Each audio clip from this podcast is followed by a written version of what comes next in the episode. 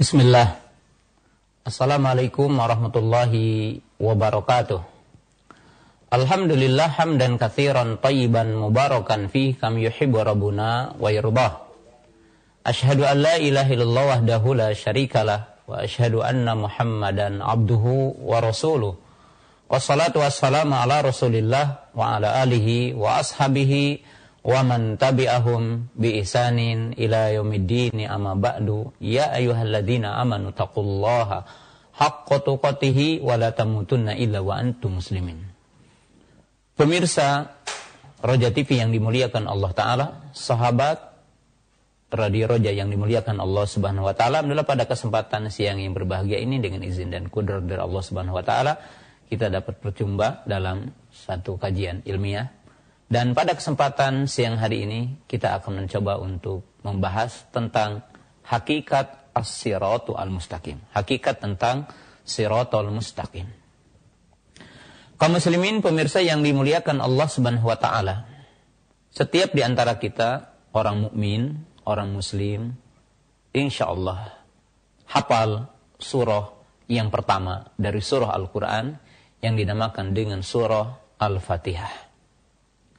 Dan surah Al-Fatihah ini dinamai oleh Allah Ta'ala dengan Ummul Kitab, Ummul Quran. Atau dinamakan juga dengan Fatihatul Kitab. Jadi surah Al-Fatihah ini memiliki beberapa nama. Di antara namanya adalah Fatihatul Kitab. Yaitu dinamakan Al-Fatihah. Yaitu pembuka. Kemudian juga dinamakan dengan Ummul Kitab. Yaitu induknya Ummul Quran, induknya Al-Quran. Nah, kenapa surah Al-Fatihah dinamakan dengan Ummul Kitab atau dinamakan dengan Ummul Quran atau dinamakan dengan Fatihatul Kitab? Ya.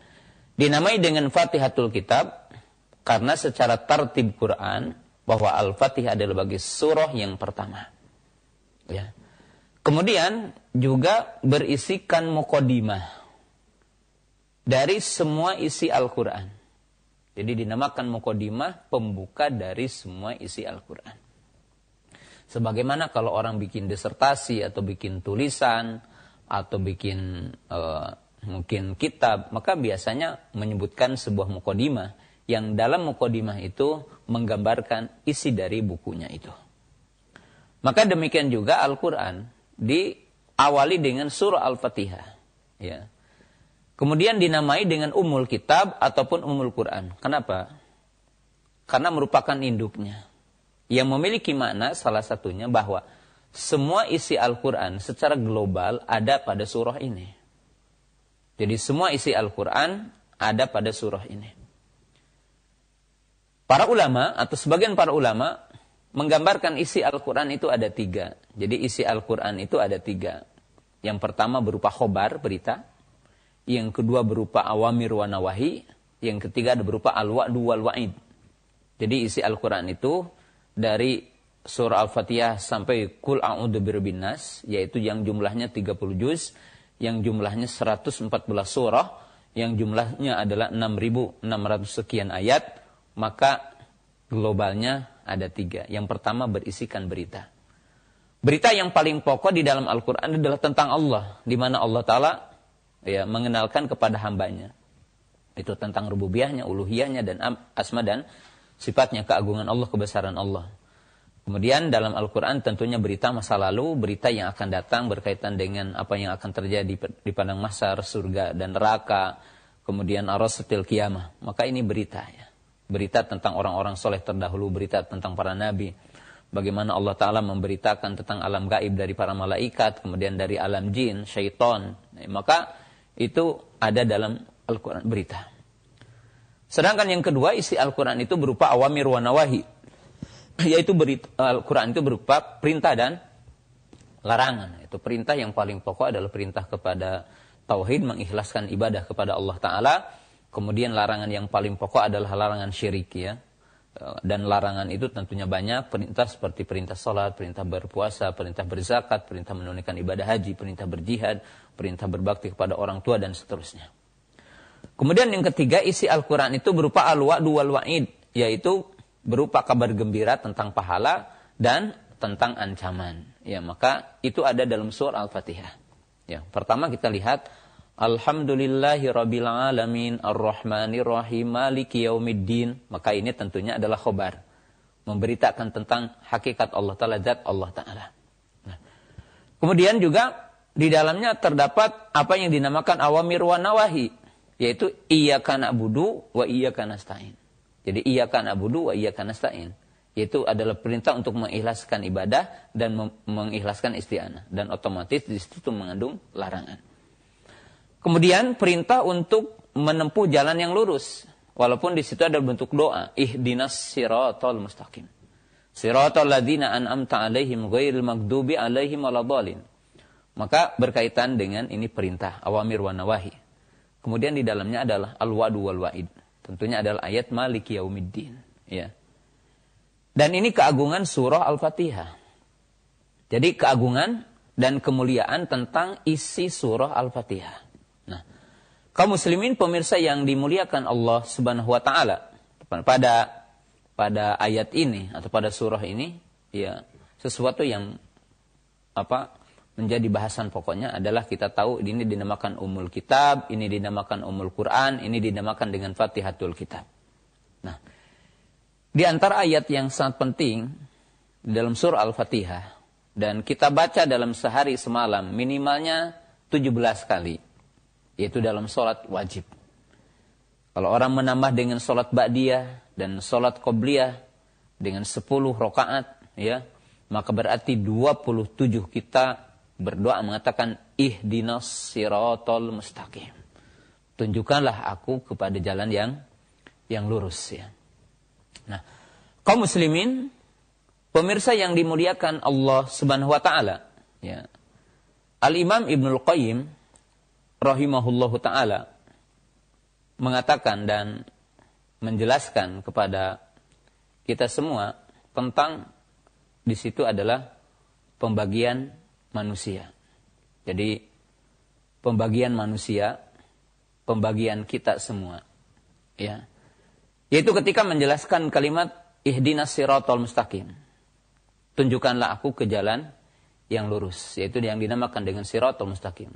Maka kita akan membahas secara singkat apa itu siratul mustaqim.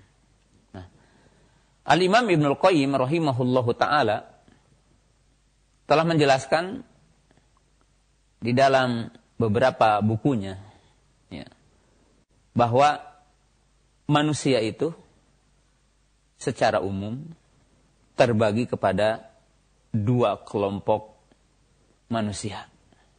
Jadi manusia di alam semesta ini terbagi kepada dua kelompok. Ya. Kelompok yang pertama yang dinamakan orang yang memiliki derajat yang tinggi. Yaitu man kana fi darajatil uliyah. Orang yang berada dalam derajat yang tinggi.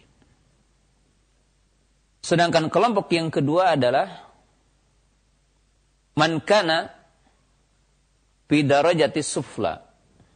Yaitu orang yang berada pada derajat yang paling rendah. Jadi pada derajat yang rendah. Lalu siapa orang yang berada pada derajat yang tinggi? Maka beliau mengatakan adalah man arafat tariqa ila rabbihi wasalakaha qasidan al-wusulu ilaihi yang pertama kata beliau adalah orang yang tahu jalan menuju Robnya. Kemudian ia menempuhnya dengan benar. Menempuhnya dengan bersungguh-sungguh. Dia ingin sampai kepadanya. Ya. Maka ini orang yang berada dalam derajat yang tinggi. Sedangkan yang kedua, yaitu orang yang berada di derajat bawah. Kalau tadi berarti mulia, dimuliakan Allah. Dan sedangkan orang yang kedua adalah orang yang berada di derajat yang akan dihinakan Allah. Berada di derajat sufla. Siapa itu? Malam ya'rif tariqo ila rabbihi. walam yata'arafha yaitu orang yang dia tidak tahu jalan menuju kepada Allah tidak tahu jalan menuju kepada Robnya dan dia pun tidak ingin tahu tidak mempelajarinya maka dia akan berada dalam kehinaan dan akan dihinakan oleh Allah Subhanahu wa taala. Maka dengan itu Allah berfirman, "Ihdinas siratal mustaqim." Siratal ladina an'amta alaihim ghairil magdubi alaihim waladdallin. Kita lihat ayatnya, ya Allah, tunjukkanlah aku ke jalan yang lurus. Itu jalan yang telah ditempuh oleh orang-orang yang engkau beri nikmat. Dan bukan jalan orang-orang yang engkau murkai. Dan bukan juga jalan orang-orang yang telah disesatkan. Orang-orang yang sesat. Maka manusia dalam ayat ini terbagi dua. Ada orang yang Allah akan beri nikmat dengan nikmat yang sempurna dengan nikmat yang abadi, yaitu kenikmatan di dunia dan kenikmatan nanti yaumal kiamah. Mereka yang akan ditinggikan derajatnya oleh Allah Ta'ala.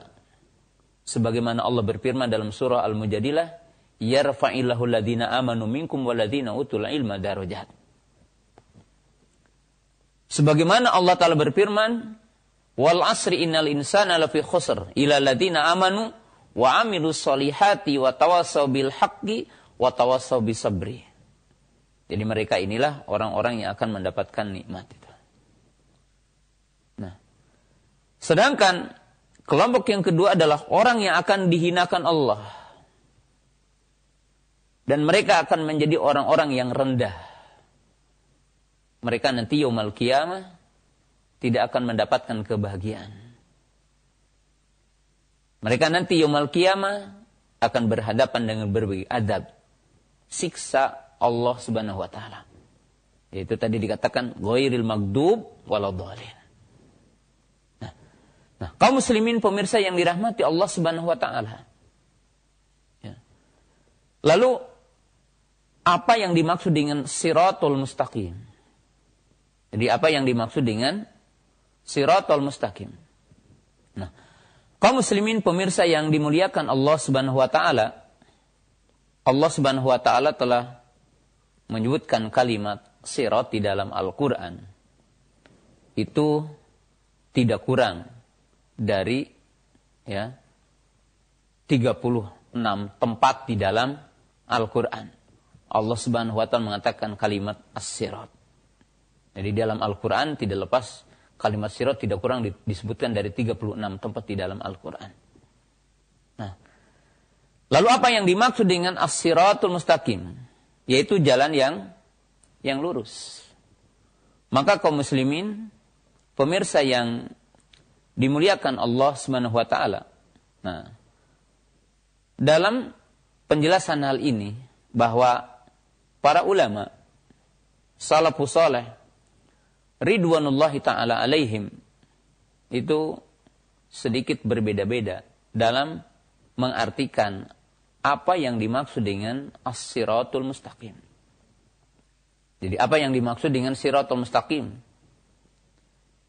Yang Allah Subhanahu wa taala sebutkan di dalam Al-Qur'an, yang Allah Subhanahu wa taala sebutkan di dalam oleh juga oleh Nabi Shallallahu alaihi wasallam di dalam sunnah. Nah, maka kaum muslimin pemirsa yang dimuliakan Allah Subhanahu wa taala, ya, siratul mustaqim ini Ya, dalam penafsiran para ulama tidak lepas dari makna-makna sebagai berikut ini. Yang pertama yang dimaksud dengan as-siratul mustaqim wal Quran yaitu Al-Quran. Jadi yang dimaksud dengan siratul mustaqim adalah Al-Quran. Kila annahul Quran. Wakila annahu al-Islam. Dan sebagian para ulama mengatakan Siratul mustaqim adalah Islam. Dan sebagian para ulama mengatakan as-siratul mustaqim wa rasul wa ashabuhu. Ya. Dan siratul mustaqim adalah Rasul Sallallahu Alaihi Wasallam dan para sahabatnya. Jadi yang dimaksud dengan siratul mustaqim adalah Rasul dan para sahabatnya. Ridwanullahi ta'ala alaihim. Dan sebagian para ulama mengatakan siratul mustaqim wal jamaah. Yang dimaksud dengan siratul mustaqim adalah jamaah.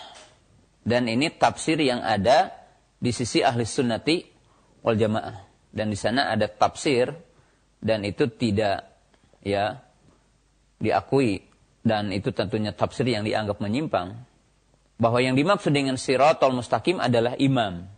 Tapi yang dimaksud dengan imam itu adalah imam yang dua belas, yaitu yang dinamakan dalam pemahaman Syiah Isna Asyariah. Ya. Lalu penafsiran-penafsiran yang tadi disebutkan oleh para ulama itu tidak bertentangan.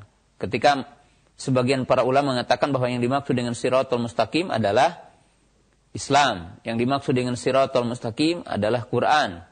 Yang dimaksud dengan siratul mustaqim adalah Rasul sallallahu alaihi wasallam. Ya. Kemudian para sahabat ya seperti Abu Bakar, kemudian Umar, kemudian Utsman, kemudian Ali dan para sahabat. Ya. Dan semua penafsiran itu tidak bertentangan satu dengan yang lainnya. Lalu Al-Imam Ibnul Qayyim rahimahullahu taala menjelaskan setelah beliau memaparkan semua perkataan yang tadi. Qala wal qawlu al jami'u fi tafsiri as-sirati al-mustaqim huwa at-tariqu alladhi nasabahu Allah taala li ibadihi al alsinati rusulihi wa ja'alahu mausulan li ibadihi ilaihi wala tariqu lahum siwahu wa huwa ifraduhu bil ubudiyah wa ifradu rusulihi bit ta'ah wa huwa madmunu syahadatu an la ilaha illallah wa anna muhammadan abduhu wa rasuluhu. Ya.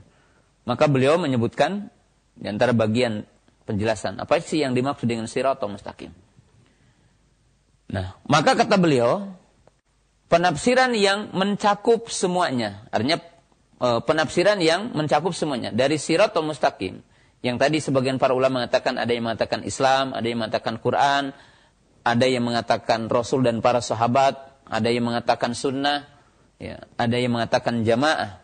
Ya. Maka kata beliau, penafsiran yang di situ mencakup semuanya. Ya. Maka yang dimaksud dengan siratul mustaqim adalah jalan yang Allah Ta'ala bentangkan. Jadi jalan yang Allah buat, jalan yang Allah bentangkan untuk hambanya melalui lisan para rasulnya. Dan dijadikan jalan itu akan sampai kepadanya. Jadi akan sampai kepada Allah. Artinya sampai untuk mendapatkan ridho Allah, mendapatkan surganya Allah, mendapatkan keselamatan dari Allah Ta'ala. Dan tidak ada jalan bagi mereka selainnya. Jadi tidak ada jalan bagi manusia selain jalan tersebut. Apa itu kata beliau? Yaitu ifradullahi bil ubudiyah wa ifradu rusulihi bitta'ah. Nah, siratul mustaqim ini tergambar dalam dua hakikat yang sangat agung. Yaitu mengikhlaskan Allah dengan ibadah dan mengikhlaskan para rasulnya dengan taat.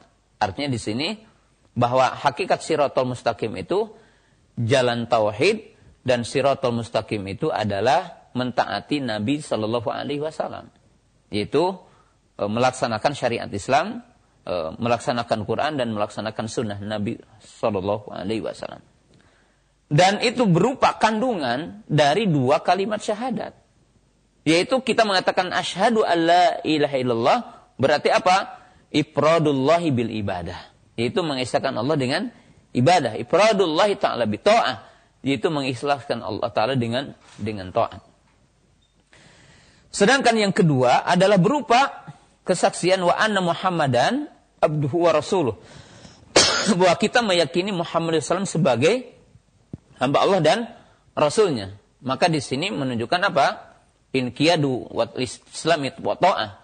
Yani li syariati an Nabi sallallahu alaihi wasallam yaitu tunduk dan patuh kepada syariat Nabi sallallahu alaihi wasallam. Maka ini yang dimaksud dengan sirotol mustaqim. Nah, jadi yang dimaksud dengan sirotol mustaqim itu adalah jalan yang dibentangkan Allah yang dibawa oleh para rasulnya. Jadi jalan yang dibentangkan Allah, oleh Allah Ta'ala yang dibawa oleh para rasulnya. Maka sirotol mustaqim di zaman Nuh alaihissalam adalah agama yang dibawa oleh Nabi Nuh alaihissalam yang mencakup di sana adalah semua syariat. Ya. Dan tentunya di zaman Nabi Musa, di zaman Nabi Isa, di zaman Nabi Ibrahim, dan di zaman nabi-nabi yang lainnya, maka yang dimaksud dengan siratul mustaqim itu adalah jalan syariat yang dibawa oleh para nabi. Ya. Maka itu yang dinamakan dengan siratul mustaqim. Ya. Kemudian kalimat siratul mustaqim yang ada di dalam Al-Quran, sebagaimana dijelaskan oleh para ulama kita, kaum muslimin, pemirsa yang dimuliakan Allah Subhanahu wa taala. Al-Qur'an, kalimat sirat yang ada di dalam Al-Qur'an itu sebagaimana dijelaskan oleh para ulama terbagi kepada dua rumpun. Ya. Terkadang kalimat sirat itu diidopatkan kepada Allah. Ya, seperti wa ana hadza sirati mustaqim. Siratullah.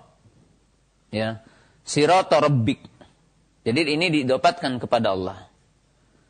Tapi terkadang diidopatkan kepada orang yang berjalan di atasnya. Seperti tadi, siratal ladina an'amta alaihim. Ya. Lalu apa hikmahnya bahwa Allah Subhanahu wa taala menjadikan kalimat sirat yang ada di dalam ayat Al-Qur'an. Jadi yang ada di dalam ayat Al-Qur'an itu eh, apa diidopatkan kepada Allah kemudian diidopatkan kepada yang berjalan di atasnya. Nah, maka di sini mengandung dua makna. Jadi mengandung dua makna. Makna yang pertama ketika diidopatkan kepada Allah, yang dimaksud karena Allah memang yang membentangkan jalan itu. Jadi Allah yang membuat jalan itu. Allah yang mensyariatkan syariatnya. Maka diidopatkanlah jalan itu kepada Allah. Adapun yang kedua adalah diidopatkan kepada orang yang berjalan di atasnya.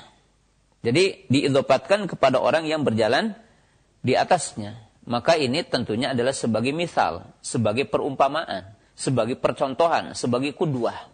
Ya. Jadi kalau kita ingin berada di jalan yang lurus ya, ikutilah orang yang pernah berada di jalan yang lurus. Bagaimana para nabi, bagaimana para rasul, ya. Setelah itu tentunya bagaimana nabi kita Muhammad SAW bagaimana para sahabat, bagaimana para tabi'in, bagaimana para tabi' tabi'in dan bagaimana para ulama yang mereka istiqomah di jalan siratul mustaqim. Maka itu adalah sebagai misal, sebagai perumpamaan. Maka dengan itu dikatakan siratul ladina an'amta alaihim.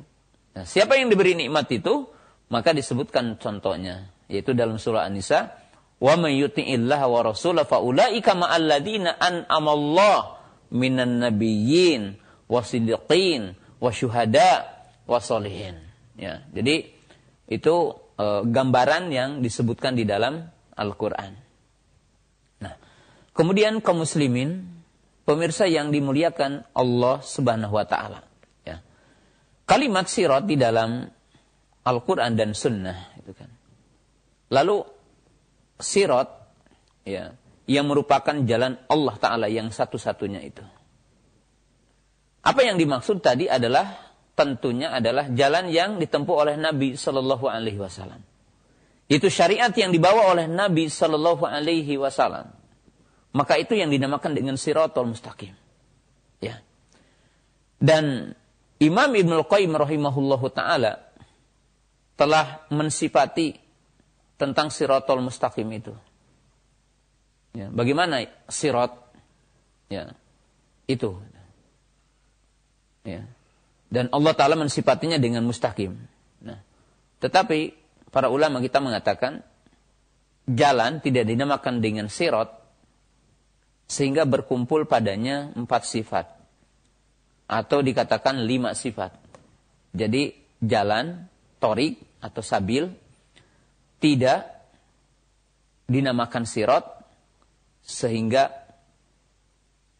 memenuhi empat sifat. Ya. Yang pertama, mustaqiman, lurus.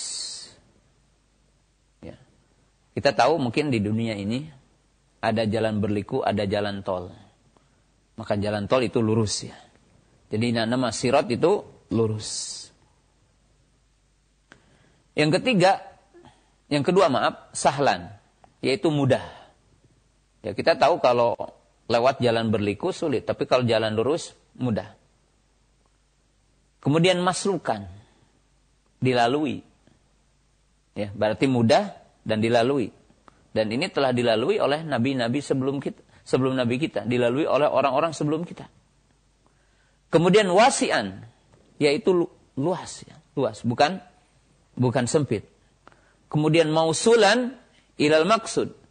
Nah, di antara sifatnya itu bahwa dia itu apa? sampai kepada yang dimaksud. Nah, siratul mustaqim yang itu adalah Islam, yang itu adalah Quran, yang itu adalah sunnah Nabi Shallallahu Alaihi Wasallam dan tergambar dalam dua kalimat syahadat, maka tentunya memiliki semua sifat ini. Yang pertama adalah mustaqimah. Itulah iwajabi, yaitu tidak ada kebengkokan di dalamnya. Oleh sebab itu Allah berfirman, tadi ihdinas siratal mustaqim. Kemudian Allah berfirman, wa ana hadha sirati mustaqima fattabi'uhu. Ya. Ila sirati mustaqim. Dalam sejumlah ayat Allah menyebutkan dalam sejumlah ayat, ya. Jadi ini adalah sifat mustaqim lurus. Ya. Kemudian sahla. Kita ketahui bahwa semua syariat Islam itu mudah. Dan jalan Islam ini adalah mudah. Jalan Islam ini adalah mudah. Dan Allah telah mengangkat jalan kesulitan bagi hambanya. Tidak membebankan satu yang sulit bagi hambanya. La, la nafsan illa wus'ah. Fattakullaha masata'tum. Kemudian masruka. Jalan ini bisa dilalui. Dan telah dilalui jalan ini. Oleh siapa? Oleh para nabi sebelumnya. Oleh para rasul. Dan tentunya bagi kita telah dilalui oleh Nabi SAW. Telah dilalui oleh para sahabat Ridwanullah ta'ala alim. Wasian luas. Yang dimaksud jalan Islam ini tentunya banyak. Ya, Yang dimaksud dengan Islam ini. Salat adalah Islam. Puasa adalah Islam. Zakat adalah Islam. Haji adalah Islam. Birulaidain adalah Islam. Jihad adalah Islam. Ya. Kemudian semuanya adalah Islam. Ya. Kemudian maksud itu sampai kepada tujuan. Karena selain Islam itu tidak akan sampai kepada Allah. Selain syariat yang dibawa oleh Nabi SAW maka itu akan terbelenggu dan tidak akan sampai kepada Allah Subhanahu wa taala. Maka hanya dengan jalan yang dibentangkan Allah akan menyampaikan kita kepada Allah. Maka dinyatakan di dalam ayat juga begitu jelas ya. Yauma la yanfa'u malun wala banun illa man atallaha biqalbin salim. Jadi Allah Subhanahu wa taala telah menjelaskan di dalam ayat ini suatu hari yang tidak bermanfaat. Apa yang tidak bermanfaat? Ya, harta, ya, kemudian anak, kemudian keturunan, kecuali yang datang kepada Allah bikol bin salim. Dalam arti di sini adalah istislam, tunduk dan patuh. Ya, tunduk dan patuh. Siratul Mustaqim ini adalah Islam. Siratul Mustaqim ini adalah Quran. Ya. Kalau kita mengatakan siratul mustaqim adalah Islam, sudah barang tentu kita memahami inna dina indallahil Islam. Wa may yabtaghi ghairul islami dinan fala minhu wa huwa fil akhirati minal khasirin.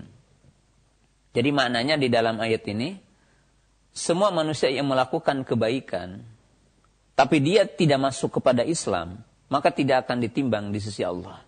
Sehingga orang itu masuk dulu kepada Islam. Sehingga dia itu mengakui tentang kenabian Nabi kita Muhammad sallallahu alaihi wasallam. Sehingga Nabi SAW mengatakan, "Waladi nafsi biyadihi la yasma'u bi ahadun yahudiyun wala nasraniyun walam yu'minu billadhi ursiltu bihi illa huwa min ashabin nar." Ya, demi zat yang aku berada di tangannya, tidaklah seseorang mendengar akan kenabianku, kerasulanku, baik dia Yahudi ataupun Nasrani dan dia tidak beriman kepada apa yang aku bawa kecuali dia akan menjadi penghuni neraka. Nah, Maka di sini menunjukkan bahwa selain jalan Islam itu mardud indallah, itu tertolak di sisi Allah taala. Ya. Semua orang yang melakukan amal kebaikan, ya, artinya diakui oleh Islam melakukan kebaikan.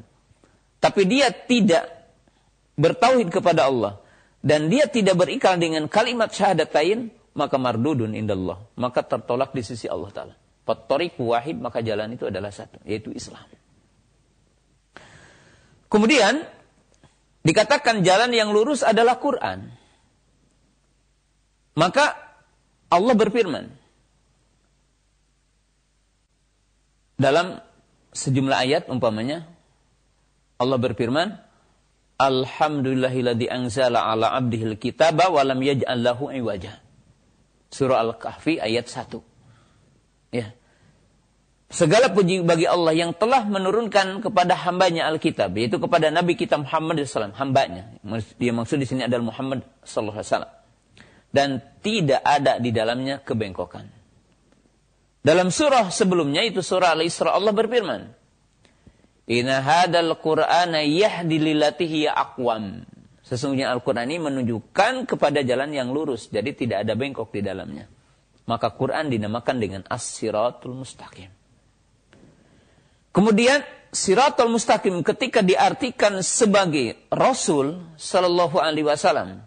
Kemudian setelahnya adalah para sahabat Ridwanullahi Ta'ala alaihim. Maka ini mengandung tentunya dua makna yang sangat agung. Makna yang pertama, bahwa yang dimaksud dengan Siratul Mustaqim adalah sunnah. Yaitu perjalanan Nabi Sallallahu Alaihi Wasallam. Petunjuk Nabi Sallallahu Alaihi Wasallam. Hal itu sebagaimana Nabi SAW telah memberikan satu perumpamaan ketika menafsirkan surah Al-An'am ayat 153 itu wa anna mustaqimah. Maka dalam hadis Abdullah bin Mas'ud beliau mengatakan khattolana Rasulullah sallallahu alaihi wasallam khatton aridon. Faqala had sabili fattabi'u. Atau hadza sirati fattabi'u. Thumma khata khutatan akhar an yamini wa an shimali faqala hadhihi subul wa fi kulli sabilin syaitanu yad'u ilaiha fatala qawluhu ta'ala wa anna hadha sirati mustaqima jadi satu ketika Nabi SAW membuat garis satu lalu beliau mengatakan inilah jalanku ikutilah lalu beliau membuat garis sebelah kanan di sebelah kiri dengan garis yang banyak kemudian beliau mengatakan hadis subul ini jalan kesesatan dan setiap kesesatan ini ada pemandunya. Dia ada pemimpin-pemimpin ahli sesat yang memandunya. Lalu beliau membacakan surah Al-An'am tadi ayat 151. Maaf ayat 153-nya wa anna sirati mustaqim. Itu berupa nasihat. Ya. Maka tentunya yang dimaksud dengan jalan yang lurus adalah sunnatun Nabi Sallallahu Alaihi Wasallam, yaitu sunnah Nabi Sallam, hadiyun Nabi Sallam, yaitu petunjuk Nabi Sallallahu Alaihi wasallam. Jadi petunjuk Nabi sallallahu alaihi wasallam. Kemudian yang kedua, ketika dijelaskan bahwa uh, Siratul Mustaqim adalah Nabi dan para sahabat. Ya. Yang dimaksud adalah kudwah. Bahwasanya mereka adalah suri tauladan. Contoh orang yang telah berjalan di atas jalan yang lurus. Mereka adalah suri tauladan bagi kita. Karena tentunya ketika orang itu mengklaim berada di atas jana yang lurus, maka kita harus menimbang diri kita dengan orang yang telah berada di jalan yang lurus. Siapa yang telah berada di jalan yang lurus? Para nabi, para sidikin, para suhada, para solihin. Nah, kalau kita mengatakan tadi berarti kan ada uh, apa? Nabiyun, syuhada, uh, sidik, uh, sidikin, suhada, solihin. Maka tentunya Nabi adalah Nabi kita Muhammad SAW di antaranya. Kemudian Sidikun adalah Abu Bakar. Kemudian Syuhada adalah Umar. Kemudian Solihun adalah di antaranya adalah Utsman radhiyallahu taala anhum. Maka ini adalah sebagai suri tauladan bagi kita. Bukti atau pelajaran atau percontohan bagi kita dengan orang-orang yang telah berjalan di atas jalan yang lurus. Nah, kaum muslimin pemirsa yang dirahmati Allah Subhanahu wa taala.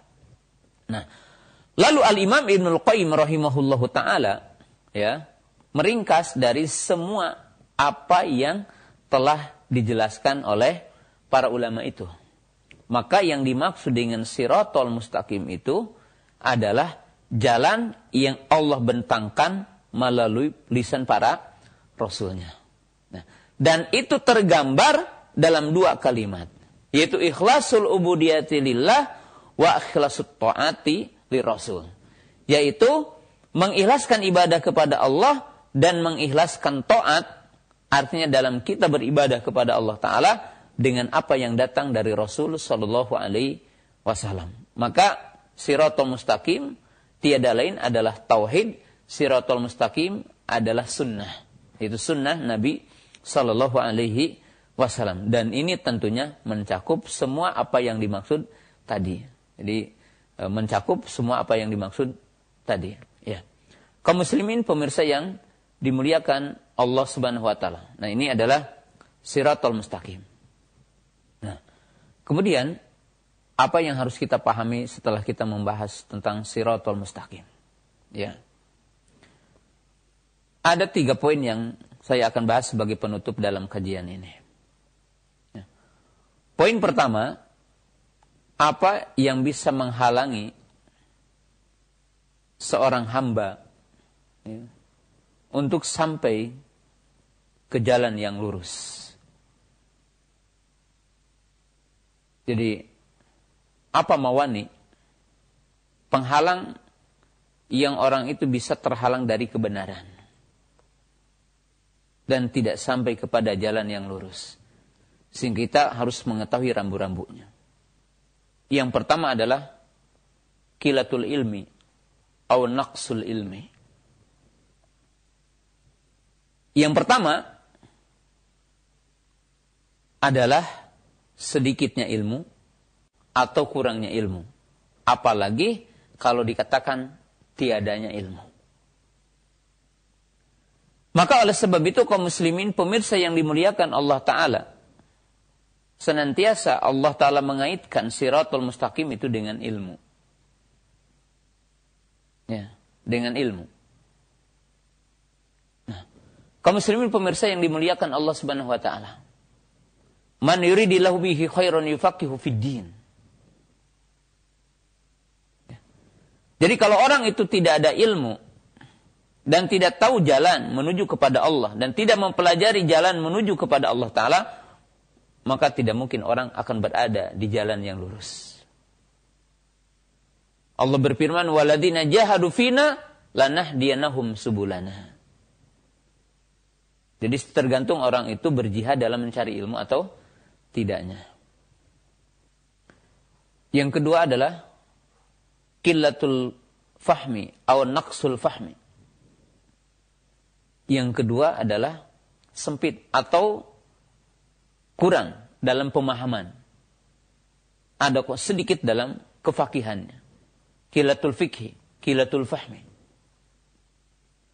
Kenapa? Karena terkadang orang itu tahu dalilnya, tahu nas, tapi keliru dalam memahaminya. Keliru dalam cara memahaminya. Hal ini sebagaimana digambarkan tentang kisah orang-orang khawarij dalam memahami ayat-ayat Allah, dalam memahami sunnah-sunnah Nabi Shallallahu Alaihi Wasallam. Ya kita tahu bahwa orang-orang khawarij itu ya hafal hafal Quran. Sejumlah orang khawarij itu hafal Quran. Bahkan seperti yang saya sering sampaikan di banyak kesempatan, orang Khawarij itu menikam Ali sambil membaca ayat Quran. Ya, membunuh Ali sambil membaca ayat Quran. Itu surah Al-Baqarah ayat 207. Wa minan nasi man yashri nafsahu ibtigo'a mardotillah. Membacakan ayat inil hukmu ilalillah. Membacakan ayat wa malam yahkum bima anzalallah faulaika humul kafirun. Faulaika humul dhalimun. Faulaika humul fasikun. Ya. Tetapi dikatakan oleh para sahabat, kaumun yantalikuna ila ayatin nuzilat alal kufar fayunaziluha alal mu'minin. Tetapi mereka itu menempatkan ayat-ayat yang Allah turunkan untuk orang kafir, dialamatkan untuk orang beriman dari pelaku dosa menurut mereka. Maka itu keliru. Ya. Kemudian mereka juga dikatakan sufaul ahlam hudasaul asnan Jadi pemahaman mereka sangat dangkal. Gitu. Nah ketika orang itu tidak memiliki pemahaman yang cukup terhadap dalil Quran dan Sunnah, maka itu tidak bisa berada di jalan yang lurus. Dan yang ketiga adalah su'ul fahmi wa su'ul qasdi. Yaitu buruk pemahaman ya dan buruk iktikad, buruk niatnya. Al-Imam Ibn Qayyim dan ulama yang lain mengatakan su'ul fahmi wa su'ul qasdi aslun likulli. Jadi niat yang jelek, niat yang buruk, kemudian pemahaman yang buruk adalah awal dari semua keburukan. Awal dari semua penyimpangan. Kemudian yang keempat adalah al-maksiat. Banyak maksiat. Jadi orang yang banyak melakukan maksiat itu tidak akan diberikan pemahaman yang lurus. Tidak akan mendapat pemahaman yang lurus. Ya. Nah, kaum muslimin pemirsa yang dirahmati Allah Ta'ala. Oleh sebab itu, ketika kita akan berbicara tentang sirotol mustaqim, maka orang itu harus punya kerangka tingkatan ilmunya. Gitu. Ya. Dan ada sebuah cerita tentang maksiat ini. Bahwa Imam Syafi'i rahimahullahu ta'ala mengadu kepada gurunya Imam Waki. Itu yang disebutkan dalam sebuah riwayat. Syakautu ala Imam Nafi. An su'il hifti. Fa'arsyadani ala tarkil ma'asi. Aku mengadu kepada Imam Syafi'i tentang buruknya hafalanku. Maka Imam, maaf, kata Imam Syafi'i, aku mengadukan diriku kepada Imam Waki tentang buruknya hafalanku. Maka Imam Waki mengajariku dan membimbingku agar aku meninggalkan maksiat. Jadi meninggalkan maksiat. Nah, kemudian kaum muslimin pemirsa yang dirahmati Allah Ta'ala. Ya. Sisi lain, juga yang harus kita pahami.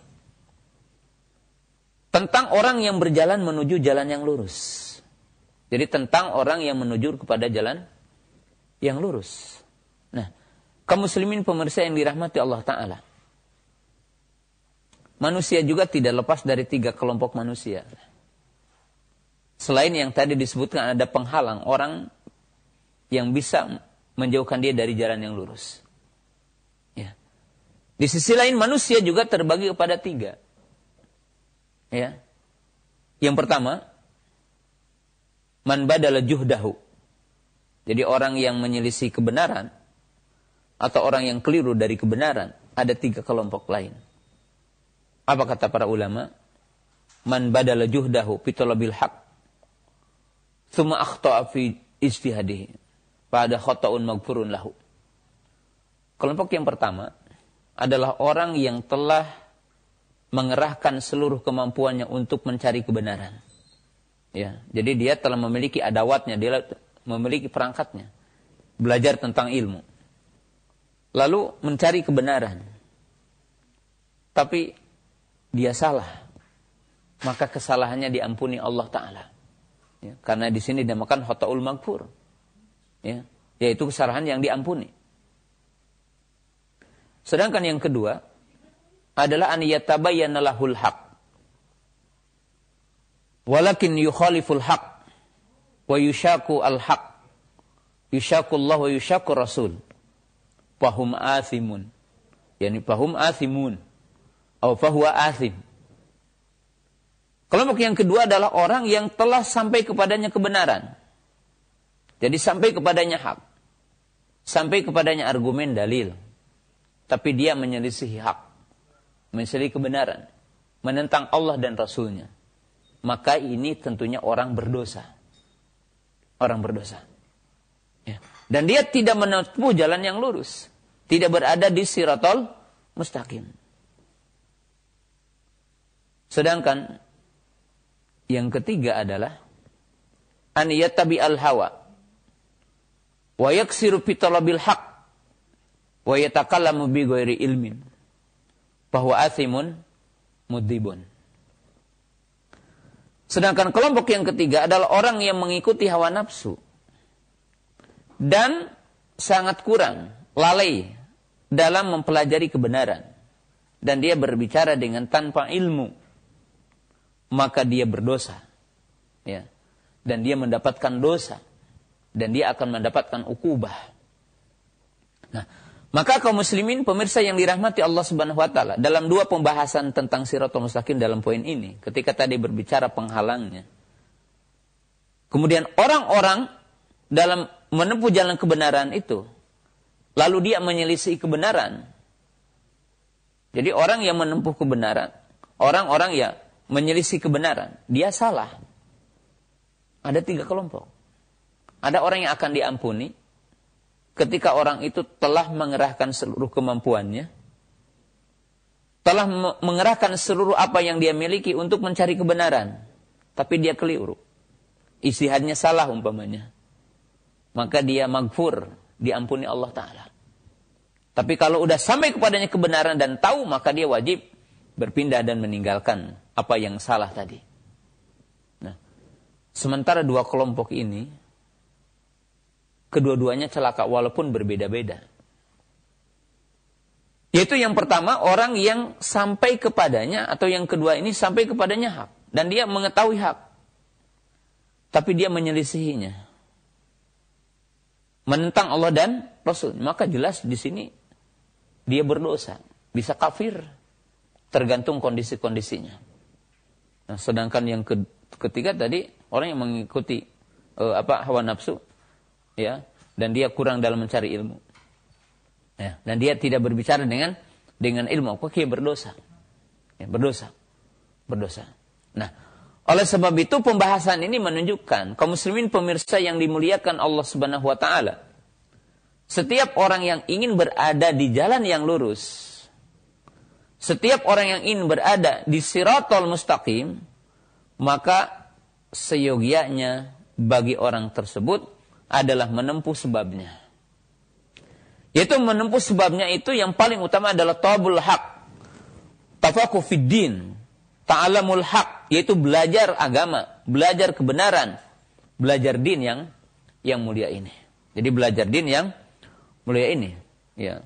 Maka oleh sebab itu disebutkan di dalam hadis man salaka tariqan yaltamisu fihi ilman sahalallahu lahu bihi tariqan ila jannah. Man yuridillahu bihi khairan yufaqihu fid din. Maka kedua hadis ini menunjukkan barang siapa yang berjalan mencari ilmu, maka dia akan dimudahkan jalan ke surga.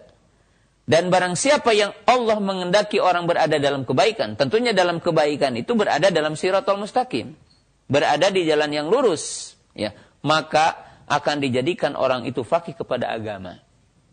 Jadi akan dijadikan orang itu fakih kepada agama Allah.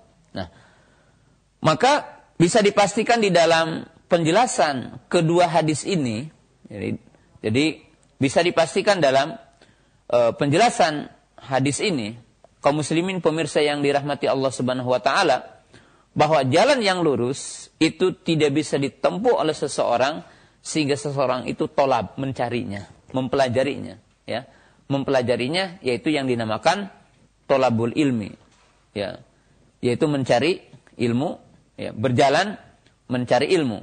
Sehingga eh, apa baginda Rasulullah Shallallahu alaihi wasallam menjelaskan man salaka tariqan yaltamisu fihi ilman sahalallahu bihi tariqan ilal jannah. Nah, kemudian bahasan yang terakhir sebelum kita membuka pertanyaan dari semua pertanyaan maka sesuatu yang wajib kita pahami dari semua penjelasan ini, bahwa jalan menuju kepada Allah hanya satu yaitu Islam, yaitu din yang Allah Taala bentangkan untuk hambanya melalui para nabinya. Dan Islam ini ada Islam yang umum, itu Islam yang dibawa seluruh oleh para nabi, dan Islam yang khusus itu Islam yang dibawa oleh Nabi kita Muhammad Sallallahu Alaihi Wasallam. Jalan menuju kepada Allah ini hanya satu. Jalan menuju kebahagiaan ini adalah satu. Jalan yang hak ini adalah satu. Dan dinul Islam, siratul mustaqim, yang wajib kita tempuh, kaum muslimin pemirsa yang dimuliakan Allah subhanahu wa ta'ala, harus diyakini dengan empat poin sangat penting. Jadi diyakini empat poin sangat penting. Yang pertama bahwa agama ini telah sempurna. Jadi agama ini telah sempurna. Jadi Islam ini telah sempurna. Membahas semua sisi-sisi sistem apa? Kehidupan. Al-yawma akmatu lakum dinakum wa atmamtu alaikum nikmati wa raditu lakumul islam madina. Taraktukum alal bayda lailuha kanahaniha la yazigu anha ila halik. Ya, jadi Islam ini sempurna. Yang kedua bahwa Islam ini syumul, bahwa Islam ini adalah universal dalam arti untuk semua hamba di muka bumi ini, untuk seluruh makhluk di muka, di muka bumi ini, untuk semua manusia di, bumba, di muka bumi ini, bahkan tentunya lisakila ini untuk jin dan untuk untuk manusia. Wa ma arsalnaka ila rahmatan lil alamin. Jadi ini adalah poin yang yang kedua. Poin yang ketiga bahwa Islam ini, siratul mustaqim ini, jalan yang lurus ini, yaitu berupa syariat, ya, maka ini adalah salihun likuli zamanin wa makanin, bahwa Islam ini adalah relevan untuk setiap waktu dan dan tempat, ya. Maka Islam ini tidak perlu dirubah gitu. Islam ini tidak boleh dirubah karena syariat Islam ini dari A sampai Z-nya, dari semua sendi-sendi kehidupan adalah layak dan relevan untuk setiap waktu dan tempat. Karena Allah Subhanahu wa taala telah menjelaskan rahmatan lil alamin. Dalam arti semua syariat halal haramnya, akidahnya, akhlaknya yang ada di dalam Islam itu adalah relevan untuk setiap waktu dan dan tempat. Karena Allah yang menciptakan alam semesta dan menciptakan kita semua, lalu Allah Ta'ala yang menurunkan syariatnya, maka sudah barang tentu syariat Islam itu adalah sesuai untuk waktu dan tempat. Ya. Kemudian kaum muslimin pemirsa yang dirahmati Allah Subhanahu wa taala. Nah, poin yang keempat yang wajib kita ketahui bahwa ya hukum dalam Islam ya, syariat Islam ya itu tentunya adalah berkaitan dengan fikhul waki. Dalam arti fikhul waki itu harus dipahami dari dua sisi. Apa yang dinamakan dengan waki'iyah, ya, waki'iyah. Artinya adalah sesuai dengan waktunya. Apa yang dimaksud? Jadi begini.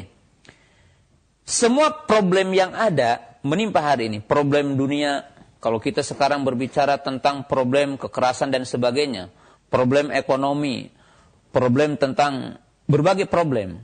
Maka Islam itu memberikan jawaban problem itu semua. Karena Islam itu wakinya. Jadi semua syariat Islam itu tidak dikatakan hanya zaman jahiliyah. Zaman ketika Nabi Sallam itu ada. Atau zaman para sahabat. Atau zaman para tabi'in. Atau zaman para tabi tabi'in. Atau zaman sebagian imam yang empat. Nah, maka ada orang mengatakan bahwa ya itu Islam di zamannya. Enggak ya. Itu berarti sekarang harus ada perubahan. Enggak ya. Kenapa? Karena kerangka apa yang ada dalam Islam ini relevan untuk setiap waktu dan tempat. Karena telah dikatakan rahmatan lil alamin. Rahmat untuk semua alam. Artinya Islam itu adalah menjawab semua solusi yang menjadi problem manusia. Ya, kalau sekarang ada tentang ekonominya. Jadi bagaimana ya pengurusan tentang bumi gitu kan, pengurusan tentang hasil bumi, pengurusan tentang pertanian, pengurusan tentang perdagangan, pengurusan tentang semua ya. Maka Islam memberikan kerangka yang kerangka itu adalah memberikan solusi ya. Sekarang umpamanya berkaitan dengan hak asasi manusia, pelanggaran yang berkaitan dengan hak asasi manusia, mungkin adanya pembunuhan, adanya uh, apa penyelewengan seks, adanya berkaitan dengan semua itu Islam memberikan solusi. Dan solusi itu ada dalam Islam. Solusi itu ada dalam Quran. Solusi itu ada dalam sunnah Nabi Sallallahu Alaihi Wasallam. Nah, itu yang dinamakan wakinya. Kemudian kerangka hukum Islam itu akan melihat kepada kondisi-kondisi yang ada. Jadi kerangka hukum Islam ini akan melihat kondisi-kondisi yang ada. Itu yang dinamakan dengan fikhul waki. Ya, artinya diistilahkan oleh para fuqaha itu bahwa uh, apa tagoyurtul fatwa atau tagoyurtul ahkam bitagoyur ahwal wa zaman. Jadi uh, akan berubah fatwa atau akan berubah hukum dengan situasi kondisi yang berbeda ya ataupun kondisi tempat yang yang berbeda. Tetapi konsep hukumnya tidak berubah karena Quran dan Sunnah itu adalah abadi. Nah, tapi saya memberikan contoh. satu contoh gitu kan. Contohnya apa? Bahwa uh, kita wajib sholat berjamaah. Kita wajib sholat itu rapat ketika berjamaah. Dan ketika sholat tidak boleh kita menutup muka, menutup mulut itu. Tetapi hukum yang tadinya wajib menjadi tidak wajib. Hukum yang tadinya mesti tidak mesti karena ada udur. Maka itu ada dalam kerangka Islam. Yang dibuat dalam kaidah usul fikihnya al-masyaqqatu tajlibut taisir. Ya. Ketika orang sakit tidak mengapa tidak berjamaah. Ketika ada hujan tidak mengapa berjamaah karena ada udur. Nah, kenapa? Karena Islam berbicara sisi lain yaitu apa? Himayatun nafas wa himayatu siha, yaitu menjaga tentang arti kesehatan dan menjaga arti tentang jiwa. Maka ini yang dinamakan relevan semuanya. Relevan. Nah, kemudian kaum muslimin pemirsa yang dirahmati Allah taala, bahwa kita juga harus mengetahui tentang konsep dan prinsip Islam ini. Nah, kita lihat bahwa hukum Islam adalah hukum dari Allah. Maka tentunya kaum muslimin pemirsa yang dimuliakan Allah Ta'ala. Allah yang telah mensifati dirinya itu tidak zalim. Bahkan di dalam hadisnya dikatakan dalam hadis kudsi, Ya ibadi, ini haram tudul ma'ala nafsi, wa ja'altuhu muharraman bainakum, fala tadzalamu. Ketika Nabi SAW menyebutkan dalam hadis kudsi, Allah berfirman, Wahai hambaku, aku mengharamkan atas diriku zalim. Ya. Dan aku haramkan kepada kalian, maka janganlah kalian saling membalimi. Nah, maka kaum muslimin pemirsa yang dirahmati Allah Ta'ala, kalau kita berbicara tentang kerangka hukum Islam, ya, ada hukum kisos, ada hukum ranjam, ada hukum potong tangan, ada hukum bayar diat, ya berkaitan dengan jinayat, ada berkaitan dengan kisos dan artinya jinayat ataupun hudud dan semuanya. Ya, mungkin berkaitan laki-laki dua, kalau waris perempuan satu gitu kan. Kemudian saksi, saksi untuk laki-laki satu, perempuan dua gitu. Maka ini adalah kerangka bagian hukum. Nah, kaum muslimin pemirsa yang dimuliakan Allah Ta'ala, bahwa hukum-hukum ini adalah datang dari Allah. Dan itu untuk menciptakan kemaslahatan bagi manusia di alam semesta ini. Dan perlu diingat, hukum yang datang dari Allah yang merupakan kemaslahatan bagi manusia itu berbeda dengan hukum-hukum yang dibuat oleh manusia. Walaupun hukum yang dibuat oleh manusia yang nasnya tidak ada di dalam Al-Qur'an, jadi perlu dipahami juga hukum yang dibuat oleh manusia dalam sebuah negara, dalam sebuah lingkungan, dibuat oleh kita hukum itu, peraturan. Maka peraturan itu ada dua. Ya. Ada peraturan yang di dalam Quran dan Sunnah tidak ada reteleknya tetapi kerangka secara umumnya ada ya ya seperti apa ya untuk membuat kemaslahatan contoh ya di dunia mana pun mungkin ada peraturan orang mengemudi. Ya kalau di Indonesia berjalan jalan di sebelah kiri gitu kan kemudian ada lampu merah ya kemudian orang menggunakan SIM ya yang dinamakan standar orang mengemudi. Ya boleh nggak membuat hukum itu? Boleh. Untuk apa? Untuk menjaga jiwa dan menjaga apa keselamatan. Maka Islam membahas apa? Menjaga jiwa dan menjaga keselamatan. Maka semua hukum yang beralih atau yang merupakan gambaran dari penjagaan ini, maka itu dinamakan e, dumaslah, maka boleh. Nah, yang kedua, ya, ada hukum yang ya di dalam Al-Qur'an dan Sunnah itu artinya dibuka oleh kita tapi bertentangan dengan Al-Qur'an dan Sunnah. Ya, jadi bertentangan dengan Al-Qur'an dan Sunnah. Maka dalam keyakinan orang Muslim tidak boleh. Jadi tidak boleh. Nah, ini adalah gambaran kita. Tapi kita memberikan gambaran, saya memberikan gambaran bahwa apa yang dibuat oleh manusia itu biasanya adalah berkaitan juga dengan kebutuhan-kebutuhan sebagian manusia. Ya, terkadang itu orang membuat satu peraturan karena ingin menjerat itu, ataupun mungkin ada kebutuhan-kebutuhan duniawi. Nah, oleh sebab itu kan ya senantiasa ketika kita membahas hukum ya, hatta ini hukum yang dibuat oleh manusia, ya berbicara tentang hak asasi manusia. Apakah hukum ini bertentangan dengan hak asasi manusia ataupun ataupun tidak. Tetapi orang muslim meyakini bahwa semua hukum yang datang dari Allah Ta'ala itu relevansi dalam setiap saat. Adapun perubahan bukan bukan perubahan pada usul hukumnya. Akan tetapi bahwa sesuatu akan berubah karena dengan perubahan keadaan, dengan kaidah-kaidah yang telah ada di dalam Al-Quran dan Sunnah Rasulullah Sallallahu Alaihi Wasallam. Maka dengan itu orang mukmin meyakini bahwa itulah siratul mustaqim adalah Islam, itulah siratul mustaqim adalah sunnah, itulah siratul mustaqim adalah Quran, dan itulah siratul mustaqim adalah jalan para nabi, jalan para rasul yang wajib apa kita ikuti. Demikian apa yang saya bisa sampaikan dalam kesempatan siang yang berbahagia ini. Mudah-mudahan memberikan satu pencerahan bagi kita semua dan saya memberikan waktu untuk beberapa pertanyaan insyaallah. Baik, kami ucapkan terima kasih untuk Alustad Jazakumullahu khairan atas materi bahasan nasihat berharga yang disampaikan di kesempatan pagi menjelang siang hari ini. Ikhwatal Islam, selanjutnya kita masuk ke sesi tanya jawab. Silakan Anda yang akan bertanya secara langsung kami buka di 0218236543 atau Pesan singkat ke 0819896543. Silakan di kesempatan pertama kami buka dari telepon 0218236543 dan tentunya kami berharap pertanyaan berkesesuaian dengan bahasan tadi agar kita bisa lebih menggali faidah yang uh, banyak dari Al-Ustaz. Silakan. Ya, silakan dengan siapa dari mana? Belum tersambung barangkali atau sudah? Silakan Bapak atau Ibu. Nah, Assalamualaikum warahmatullahi wabarakatuh. Waalaikumsalam warahmatullahi. Silakan pertanyaannya Ibu. Uh, sini saya mau bertanya uh, masalah uh, sila, sila, sir, si apa namanya satu mustaqim tadi. Iya. Uh, ap, apakah uh, sirat mustaqim itu um, kalau kita berdoa sudah sholat uh, bisa menyal, baca al-fatihah bisa menyelamatkan kita tidak uh, uh, apa nama itu pak bagaimana ibu? Di dalam sholat di dalam dalam sholat ya. membaca setiap sholat itu kita membaca silatul mustaqim kan? Iya di dalam Al-Fatihah, iya.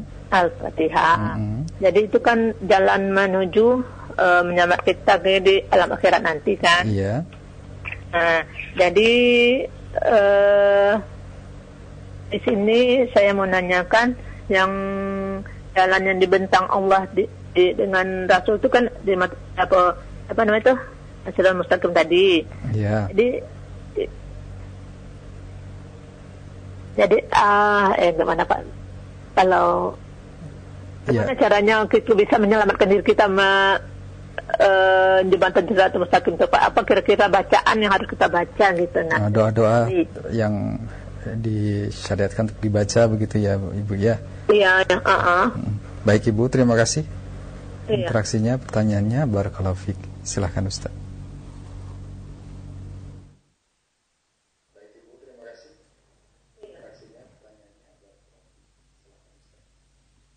Uh, kaum muslimin dan ibu yang dimuliakan Allah Subhanahu wa taala, uh, adapun agar kita berada di jalan yang lurus gitu ya. Untuk kiat-kiatnya apa?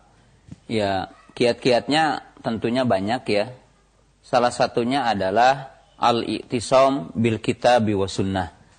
Yaitu bergantung ataupun berpegang teguh kepada Al-Qur'an dan sunnah Rasulullah Shallallahu alaihi wasallam sebagaimana dalam ayat wa'tasimu bihablillahi jami'a ketika Allah menyebutkan siratul mustaqim.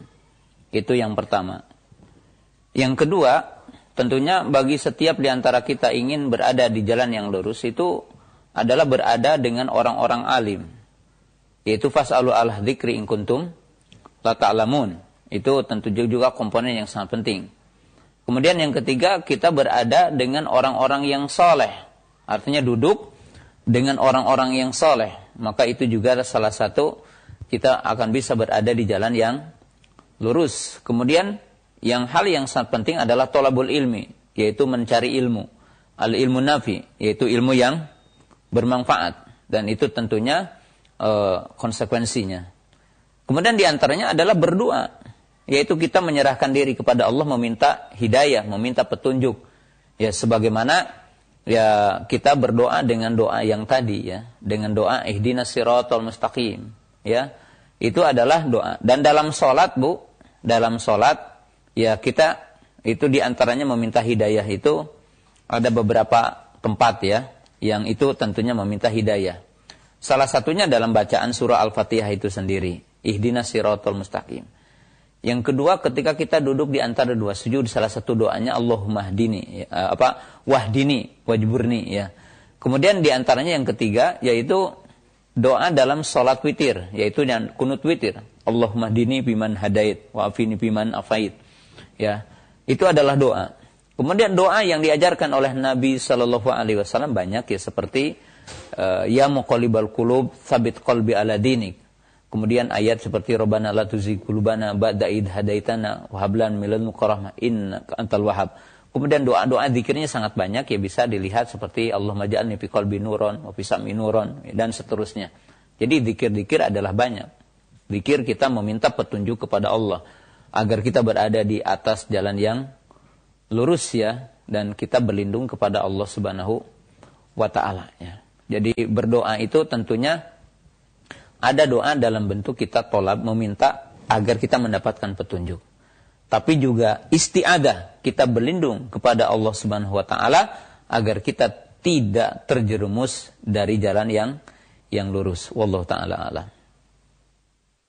Jazakallah khairan jawaban dan nasihat Al Ustaz.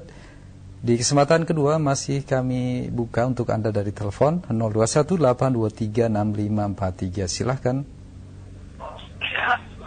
Ya, silakan. Ya. Assalamualaikum Ustaz. Waalaikumsalam warahmatullahi wabarakatuh. Silakan dengan siapa dari mana? Dengan Pak Daulay dari Riau. Silakan pertanyaannya Bapak. Ya. Ah, begini Ustaz. Uh, kita kan disuruh selalu berdoa kepada orang tua kita yang sudah meninggal. Iya.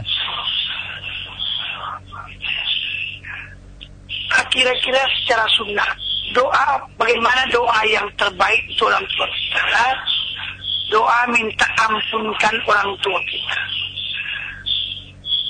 Iya. Itu saja bapak. Dan minta dirahmati. Iya. Baik. Itu saja bapak ya. Baik terima kasih. terima kasih untuk interaksinya. Waalaikumsalam warahmatullahi wabarakatuh. Silahkan Ustaz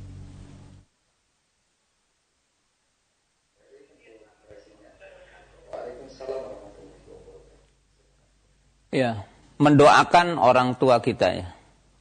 Mungkin juga perlu sedikit luas ya. Kalau mungkin Bapak ingin bertanya, apa sih yang akan bermanfaat bagi orang tua kita? Jadi kalau pertanyaan lebih luas mungkin bukan hanya doa. Tetapi pertanyaannya lebih luas, apa yang akan bermanfaat bagi orang tua kita yang telah mati, yang telah meninggalkan kita? Tentunya kita bagi dulu orang tua itu ada dua. Mungkin orang tua yang sama-sama muslim dan orang tua yang dimungkinkan di antara kita bapaknya bukan muslim atau ibunya bukan muslimah. Maka perlu dipahami bahwa kalau kita punya bapak yang ya naudzubillah ditakdirkan mungkin seorang di antara kita bapaknya bukan muslim, ibunya tidak muslimah, maka tidak akan bermanfaat dari kita semua gitu ya. Baik doa kita, amal kita tidak akan sampai. Tapi bagi kita yang alhamdulillah orang tua kita adalah muslim, ibu kita adalah muslim, apa sih yang akan bermanfaat bagi ibu kita? Yang akan bermanfaat bagi ibu kita yang paling pertama adalah kesolehan kita. Jadi kesolehan kita. Semua amal yang kita perbuat, baik itu diniatkan untuk orang tua ataupun tidak, maka itu akan sampai kepada orang tua kita. Jadi sholat bapak, puasa bapak, kemudian zakat bapak, kemudian hajinya bapak, ya amal kebaikan yang dilakukan oleh kita itu tetap akan mengalir ke sampai kepada kedua orang kita. Karena ya sesungguhnya amal kita itu adalah dengan sebab amal kedua orang tua kita mendidik kita. Yang kedua, yang akan sampai kepada orang tua kita adalah berupa ya sodakoh yang diniatkan untuk orang tua kita. Artinya kalau kita punya sodakoh, punya harta, kemudian kita meniatkan sodako untuk orang tua kita, kebaikan untuk orang tua kita, maka itu akan mengalir insya Allah. Kemudian di antara yang akan sampai adalah menghajikan menurut sebanyak para ulama, kemudian mengumrohkan akan sampai, ya. Dan beberapa poin yang sangat penting. Kemudian yang terakhir tadi adalah doa, doa. Nah, Bagaimana doa kepada orang tua kita? Mungkin Bapak bertanyanya itu yang pertama redaksi ya. Redaksi ya redaksi yang paling populer dalam itu ada redaksi di Quran yaitu apa? Rabbik filli wali walidayya. Rabbik filli wali walidayya. Ya, Rabbik filli wali walidayya. Itu adalah doa kita memintakan ampun untuk kita kemudian untuk orang tua kita. Nah, tapi ada sesuatu yang perlu saya jelaskan di sini. Kapan dan di mana? Kapan dan di mana kita mendoakan untuk orang tua kita? Kalau dikatakan kapan, kapan saja kita mendoakan orang tua kita akan sampai dan bermanfaat untuk orang tua kita. Baik mendoakan ketika kita dalam sholat, mendoakan di luar sholat, kapan saja akan bermanfaat. Nah, yang ketiga yang ada perlu penjelasan. Ya, sebagian kaum muslimin, sebagian di antara kita itu beranggapan kalau kita akan mendoakan orang tua kita, kita harus berziarah ke apa? ke kuburan orang tua kita. Ya. Itu tidak ada ketetapannya dan tidak ada tuntunan dari Nabi Shallallahu alaihi wasallam bahwa di antara bentuk birrul dain, berbakti kepada dua orang tua itu adalah mendatangi kuburannya. Ya, ziarah kubur disunahkan. Ziarah kubur dianjurkan. Tapi bukan berarti berbakti kepada dua orang tua dan akan mendoakan orang tua kita di mana kita dianjurkan harus datang dulu ke kuburan orang tua kita. Ya, bahkan mungkin ada di antara kita yang tidak mendoakan gitu, kecuali kalau datang ke kuburannya, itu keliru. Kapan saja kita mendoakan orang tua kita yang telah meninggal dunia akan bermanfaat dan akan sampai kepada kedua orang tua kita. Adapun redaksi ya redaksinya tadi Allahumma gfirli wali walidayya gitu ya. Wallahu taala alam. Nasihat dan jawaban yang disampaikan oleh Al Ustaz Barakallahu Untuk selanjutnya kami angkat pertanyaan yang datang dari pesan singkat. Nah, Assalamualaikum warahmatullahi wabarakatuh. Ustadz mohon nasihatnya bagaimanakah eh, menggapai siratal mustaqim bagi sebagian kami yang masih Eh, berada di dalam tempat-tempat mencari nafkah yang uh, mengandung keharaman atau paling tidak syubhat terkait dengan uh, suap menyuap dan hal-hal yang uh, sama uh, tentang keharamannya dan uh, syubhatnya bagaimanakah agar kami bisa menggapai siratal mustaqim Sementara kami pun juga di mendapatkan beban dan amanah untuk menafkahi anak-anak dan keluarga. Mohon nasihat dan penjelasan dari hal ini. Jazakallah khairan dari Abu Yusuf di Bekasi. Min pemirsa yang dimuliakan Allah Subhanahu wa taala ya. Bahwa uh, ini pertanyaan sangat agung ya. Jadi bagaimana kita semua bisa berada di jalan yang lurus ya. Nah, kaum muslimin pemirsa yang dimuliakan Allah Subhanahu wa taala ya. Dalam kaidah yang sangat agung yang tentunya wajib kita untuk syukuri ya bagi para jamaah, bagi kaum muslimin yang berada di jalan yang lurus ya. Nasihat yang sangat agung ini sebenarnya ada pada penjelasan hadis baginda Rasulullah Sallallahu Alaihi Wasallam. Jadi Rasulullah Sallallahu Alaihi Wasallam telah menggambarkan ya kepada kita tentang satu perumpamaan. Jadi satu perumpamaan yang sangat agung. Ya. Kaum muslimin pemirsa yang dimuliakan Allah Subhanahu wa taala. Nah, kita lihat dalam sebuah hadis ya yang tentunya hadis ini adalah hadis yang sangat agung dan hadis yang tentunya menjadi pokok dalam hadis ini. Dan bisa menjawab tentang pertanyaan tadi. Itu hadis Nawan Apwan hadis Nawas Ibnu Sam'an Al-Ansari. Beliau berkata bahwa Nabi SAW bersabda, Daraballahu mathalan sirata mustaqima. Wa ala janbaitai sirat suarani fihima abwabun mufattahatun. Wala abwabi suturun murakhatun. Wa ala babi sirati da'in yaqulu ayuhan nas udkhulu as-sirata jami'a. Wala tatafarraju wada'in yad'u min jawfis sirati fa idza arada yaftahu syai'an min tilkal abwab. Qala wayhaq la tabtahu fa innaka in tabtahu talijhu.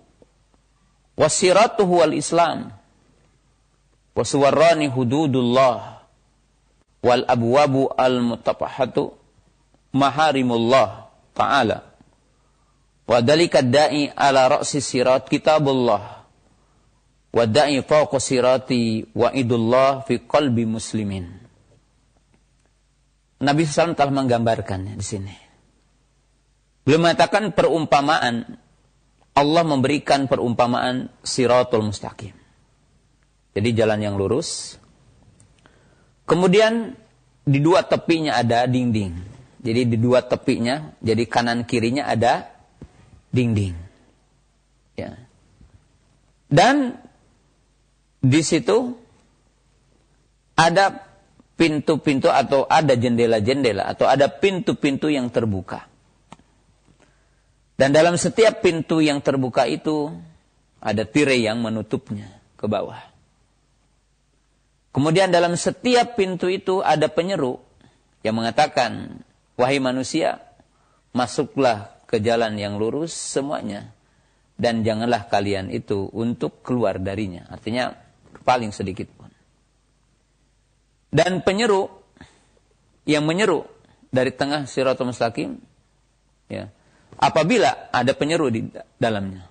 Jadi apabila ya masuk apabila bermaksud untuk membuka salah satu pintu dengan pintu-pintu itu, maka ada yang menyeru mengatakan, "Celaka kamu, janganlah engkau membuka pintu-pintu itu."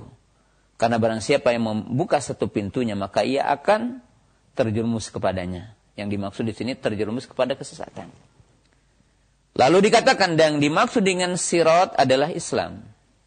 Dan dua dinding itu adalah batasan-batasan Allah. Dan pintu-pintu yang terbuka itu adalah maharimullah. Dan penyerunya adalah kitabullah. Dan penyeru yang berada di atasnya adalah peringatan Allah yang itu dicampakkan kepada hati setiap muslim. Nah, maka kaum muslimin pemirsa yang dimuliakan Allah Ta'ala.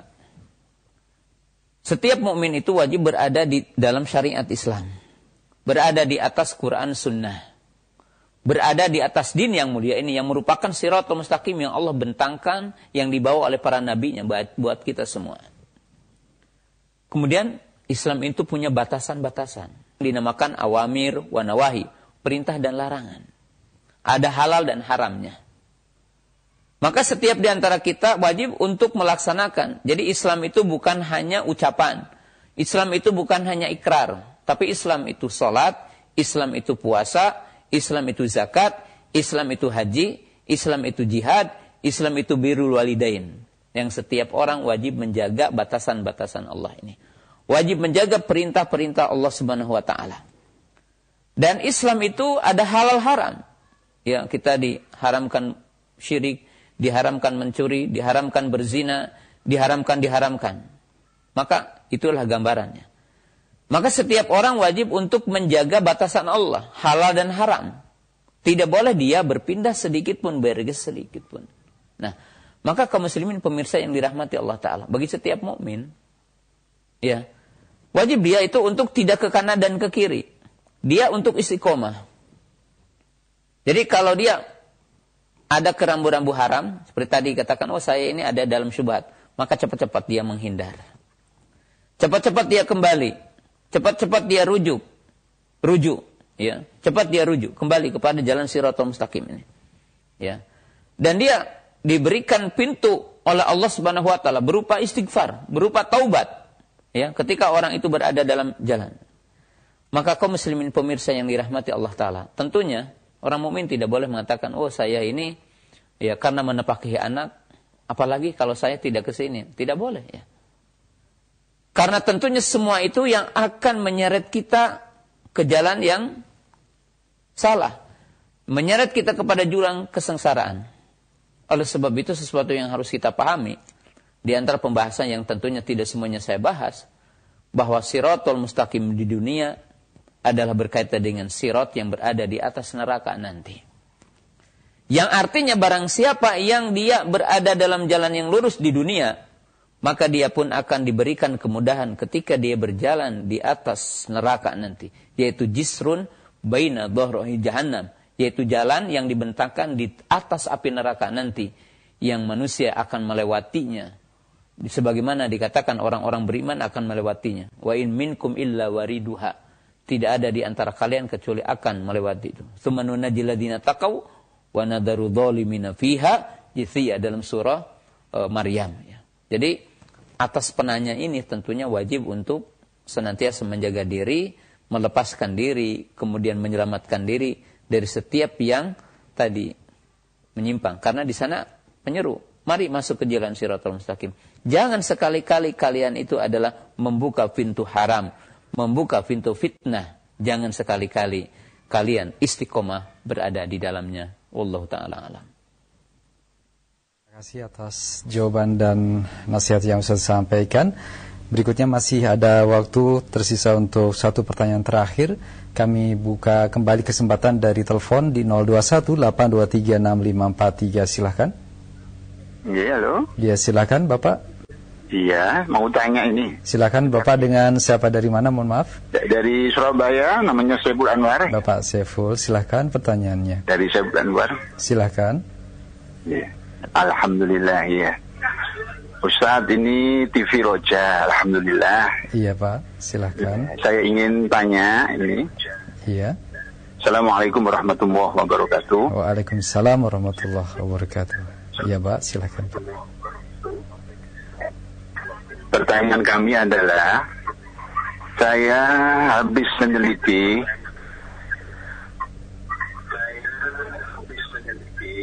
tidak semua perbuatan itu di dalam Islam itu ada dalilnya. Pun hadis. Ya. Kadarlah terputus Bapak Saiful Anwar pertanyaannya tidak sampai selesai ya dan barangkali juga tidak bisa kita uh, ambil inti dari pertanyaan dari Bapak. Barangkali mungkin bisa menyambung kembali telepon dari Bapak, silakan. Atau barangkali di kesempatan uh, terakhir ini pendengar dan pemirsa yang lainnya kami persilahkan 0218236543. Ya, silakan. Silakan, Bapak atau Ibu. Assalamualaikum. Waalaikumsalam warahmatullahi wabarakatuh. Dengan Bapak siapa dari mana? Dari Bapak Lasimin. Ya, silakan. Uh, tapi sebelumnya ada feedback Bapak. Dikecilkan volume TV-nya. Barangkali uh, mungkin agak jauh dari TV-nya agar tidak ada feedback Pak. Atau dikecilkan volumenya. Silakan Bapak. Assalamualaikum Ustaz. Waalaikumsalam warahmatullah. Silakan disampaikan, Pak. Ya. Terima kasih atas kesempatannya ini baru ya, masuk. Iya, alhamdulillah. Silakan Bapak. Yang saya tanyakan itu di rumah saya itu kan ada dua kaleng untuk infak dari pesantren atau dari masjid. Iya. Kemudian saya rutinkan setiap harinya saya isi yang tak berapa lah ya yeah. tidak banyak tapi saya rutinkan gitu. hmm. kemudian kita masukkan ke kaleng itu niat kita itu setelah kita masuk ya Allah mudah-mudahan dengan infak ini orang tua saya diberi ketenangan di alam kubur.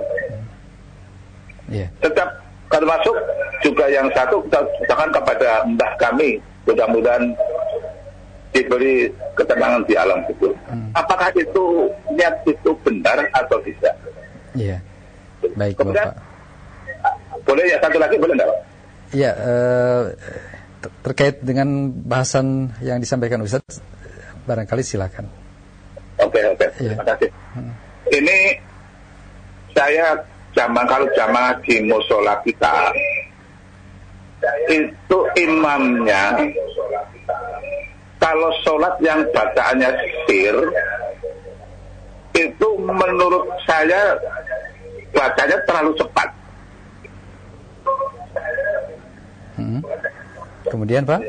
Ya artinya gini, saya baru kalau bacaan sir kan kita selaku makmum harus baca fatihah. Hmm.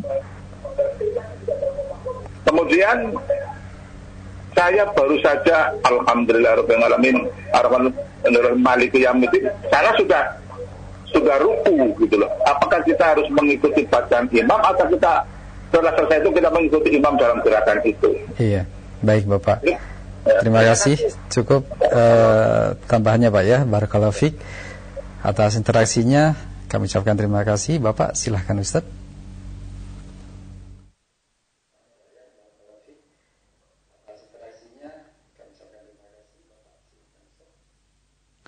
Uh, kaum muslimin pemirsa yang dimuliakan Allah Ta'ala dan Bapak yang di Surabaya yang dimuliakan Allah Subhanahu Wa Ta'ala. Di pertanyaan yang terakhir ini tadi uh, Bapak uh, bersodakoh ya dengan sodakoh yang tadi dirutinkan setiap hari. Kemudian Bapak meniatkan sodakoh itu untuk orang tua. Nah jadi uh, di sini tentunya ada beberapa hal yang harus dipahami ya Pertama, secara kaidah umum, boleh seseorang anak meniatkan sodakoh untuk orang tuanya. Jadi bapak boleh meniatkan sodakoh untuk orang tua.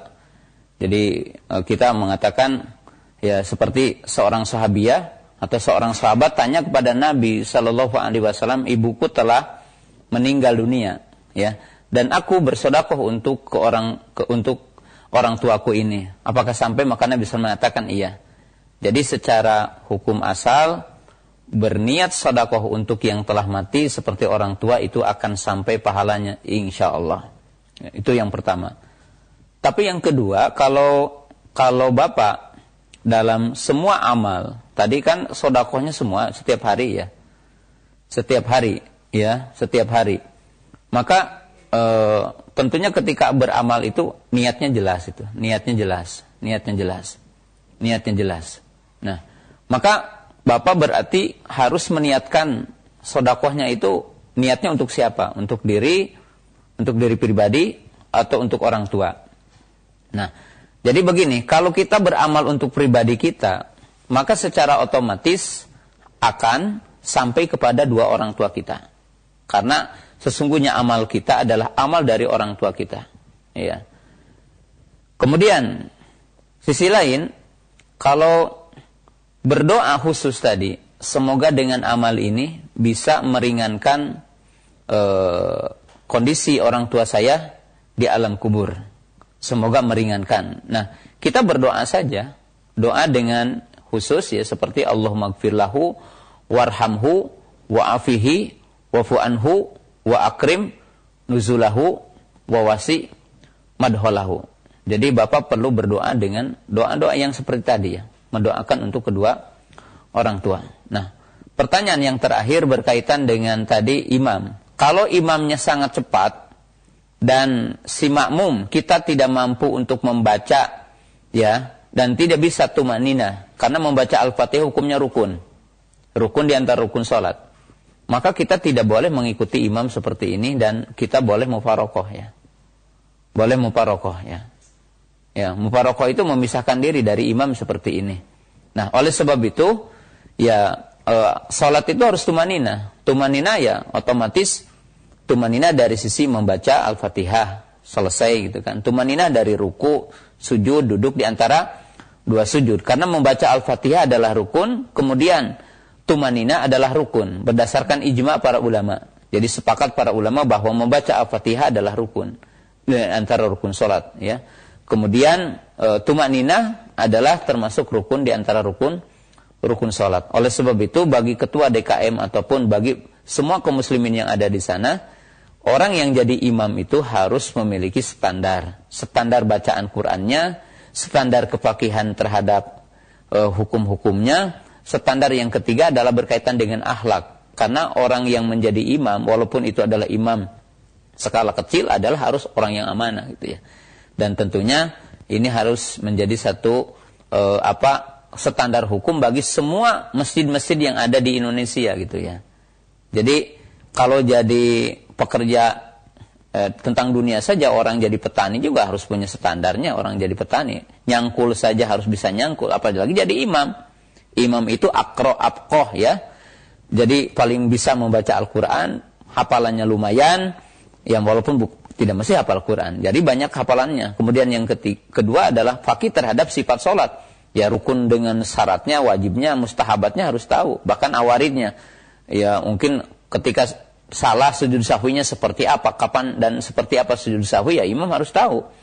Yang ketiga, imam itu sudah barang tentu yang dicintai kaumnya. Artinya bukan berarti dicintai kaumnya oleh semuanya, tapi yang dimaksud standar umum, orang yang berakhlak mulia sehingga di dalam hadis dikatakan la yaumul qauma wa hum karihun, tidak mengimami satu kaum dan mereka membencinya gitu kan. Dibenci oleh kaumnya dan ini tentunya standar ya kita uh, seseorang menjadi imam dan mudah-mudahan ya banyak perubahan lah di Indonesia terutama sekarang udah banyak hafid-hafid ya kemudian sekolah-sekolah tahfid. Jadi jangan sampai imam itu yang standarnya hanya Eh, dari sisi tua ataupun punya pengaruh di sebuah tempat enggak ya. Imam itu standarnya tadi akro afkoh ya paling fakih paling bisa membaca Al-Quran. Barangkali itu yang saya bisa sampaikan dalam kesempatan siang yang berbahagia ini. Mudah-mudahan bermanfaat dan kita berada di jalan yang lurus dan kita harus menempuh dengan ilmu untuk berada di jalan yang lurus. Wallahu taala a'lam